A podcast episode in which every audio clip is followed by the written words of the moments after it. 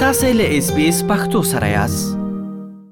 د اس بي اس د پښتو خبرونه محترم اوریدونکو ستړي مشي رحیم الدین وریا خیلم له افغانستانه تاسو ته د افغانستان او سیمې د تیر یوې اونۍ مهمه پیښه وړاندې کوم هیله ده چې تر پایه مې ملتیا وکوي په امریکا کې د یو څیړنیز مرکز لخوا د نظر معلوماتو په یو تازه سروې کې چې پایله یې تېره اونۍ خپره شوه راغلي ول چې افغانان په دوه زره او یوویشتم کال کې د منفي عواطفو د تجربو په شاخص یا درجبندۍ کې د نړۍ د نورو هیوادونو په پرتله تر ټولو په لوړه کچه کې په داسې حال کې چې د مثبت عواطفو تر ټولو ټیټه کچه کې وو د ګلوب ترنیز مرکز په دې سروې کې څلور او یا پسلو کې افغانانو چې مرکه ورسره شوی وي ویلي ول چې تیر کال په ژوند کې تشویش تجربه کړی په دې راپور کې همدارز راغلی ول چې په افغانستان کې خلکو د طالبانو راتګ څخه وړاندې هم په کړکېچ کې ژوند کاوه ځکه ډېری افغانانو خوراکي موادو پیدا کولو او سرپناه په پار ګڼ شمېر ستونزې درلودلې په راپور کې ویل شوي ول چې ډېر لږ شمېر افغانان د خوندیتوب احساس کاوه او ډېری دا حس درلود چې ژوند یې د هر کال په تیریدو سره د خرابېدو په لور روان دی. د ګلوب څېړنیز مرکز په راپور کې ویل شوي وو چې افغانان د دوه زره اوولسم کال را په دېخوا یوازې د دوه زره او شلم کال پرتله چې د کرونا وبا د خپرېدو له کبله ونشو کړای د خلکو نظر معلوم کړي په پرله پسې توګه په نړۍ کې د مثبت عواطفو تر ټولو ټټه کچه درلودله افغانستان د ګلوب په دې سروې کې یوازې د 22 نمرو په اخیستو سره د مثبت عواطفو تر ټولو ټیټه کچه کې وو او په تیر 14 کلونو کې چې د چرنیز مرکز په نړۍ کې د مثبت عواطفو په اړه راپور جوړونه پیل کړي هیڅ یو هیواد په دومره ټیټه کچه کې نه ورغلی د یادونې وړ ده چې تر افغانستان وړاندې عراق په نړۍ کې په پرله پسې توګه دوه کاله د منفي عواطفو له کبله په لوړ مقام کې و خو افغانستان په دې شاخص کې نه پنځوس نمرې اخیستې وې چې تر دې وړاندې هیڅ یو وخت دومره ډیر امتیازونه نه و اخیستي.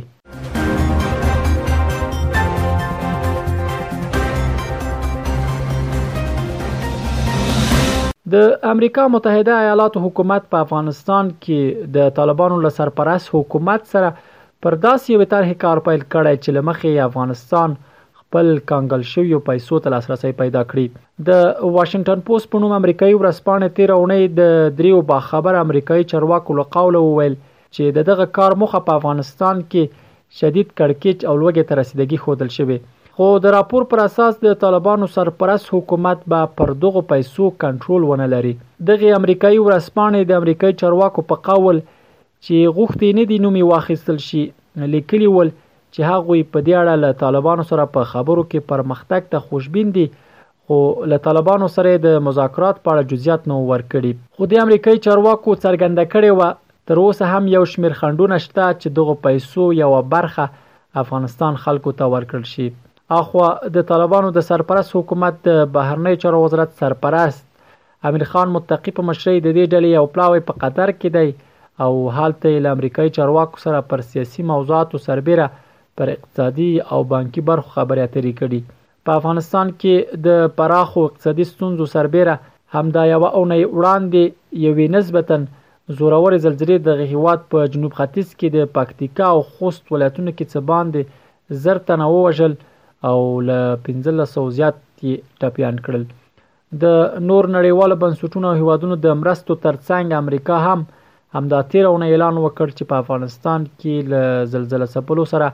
55 میلیونه افغانۍ مرسته کوي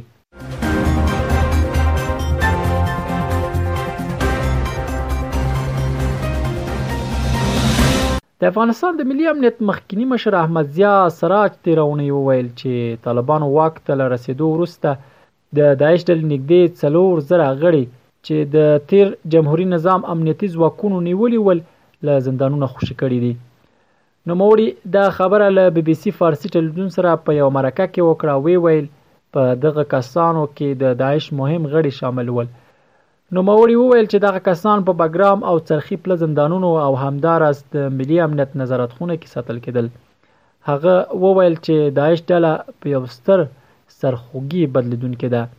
داعش وسلهوالو په دې وروستیو کې افغانستان کې د ګڼو خونړیو بریدونو مسوولیت اخیستی. طالبانو که څه هم ویل چې دغه ډله یې ځپلې، خو د افغانستان ګاونډیو بیا په دغه هېواد کې د داعش ډلې په پیاوړتیا اندېښنه څرګنده کړې. ښاغلی سراج د مخکیني حکومت تر برزېدو یوه ورځ وروسته له ځینې چارواکو سره له کابله وتلی دی. هغه په دې مرکه کې دا هم وویل چې د طالبانو خلاف د سیاسي او نظامي مقاومت بشپړه ملاتړ کوي او د مقاومت جبهې له مشر احمد مسعود سره په تماس کې دی.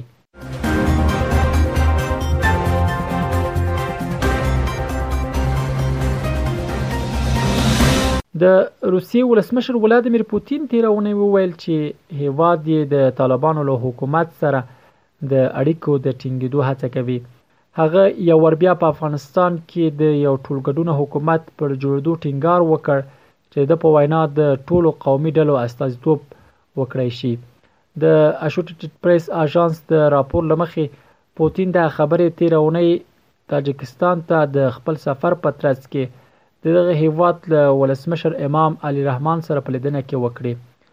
پوتین د تاجکستان په پلازمېنه دوشنبه کې وویل چې هېواد یې په افغانستان کې د وضعیت د عادي کېدو لپاره هره ممکنه هڅه کوي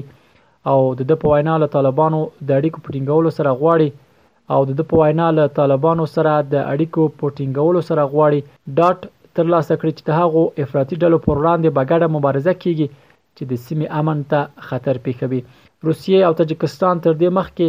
د افغانستان پولې ته څیرمه د داعش ډلې د فعالیتونو په اړه اندېښنه خوده و اشوټټ پریس اژانس زیاتوي که څه هم روسیه طالبان یو تروریستي ډله غني خو طالبانو په مسکو کې د افغانستان سفارت ته خپل استازي لېږلی او د طالبانو هیئت د سنت پیټرزبورګ په نړیوال اقتصادي غونډه کې هم ګډون کړی وو.